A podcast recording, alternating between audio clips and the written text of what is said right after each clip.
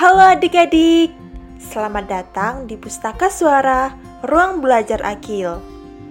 Kakak akan menceritakan sebuah buku yang berjudul Pak Guru Singa Buku ini ditulis oleh, Ina Inong diilustrasikan oleh, Joy Suparjah dan diterbitkan oleh. Pelangi Mizan Yuk kita simak ceritanya.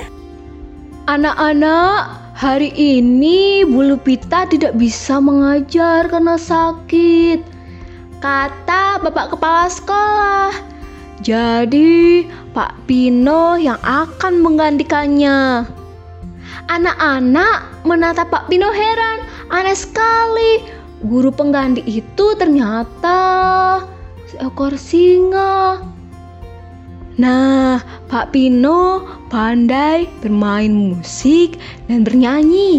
Selamat bersenang-senang ya.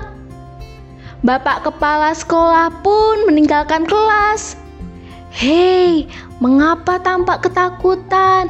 Apakah aku terlihat seperti singa? Pak Pino tertawa. Anak-anak hanya tersenyum. Bukankah ia memang seekor singa? Ho ho, aku memancing di danau biru. Tak satu ikan pun datang memburu. Hei, ada yang memakan umpanku. Tapi, oh tidak, rupanya hanya sepatu.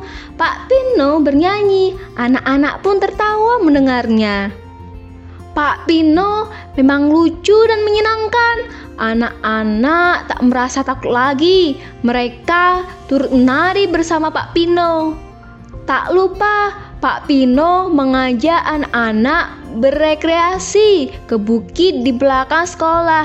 Naik, naik ke puncak bukit. Bawa bekal, janganlah pelit.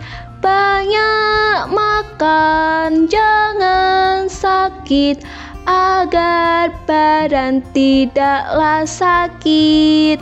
Mereka bernyanyi dengan riang dan gembira. Lihat, awan-awan itu dekat sekali. Ayo, kita tirukan sesuatu yang ada di langit. Seru Pak Pino.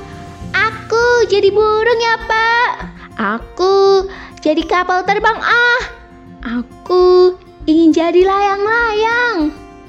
Wah, matahari sudah tinggi. Waktunya makan siang. Ayo kita buka bekalnya.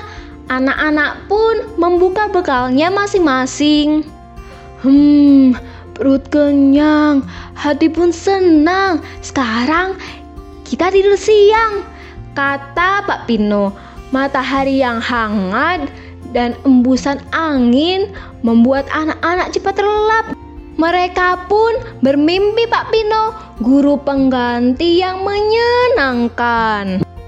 Cerita ini dinarasikan oleh Nihlatus Sofa dan disunting oleh Nihlatus Sofa Buku Suara adalah program alih media buku anak yang diinisiasi oleh Ruang Belajar Akil guna memberikan alternatif media belajar bagi yang membutuhkan.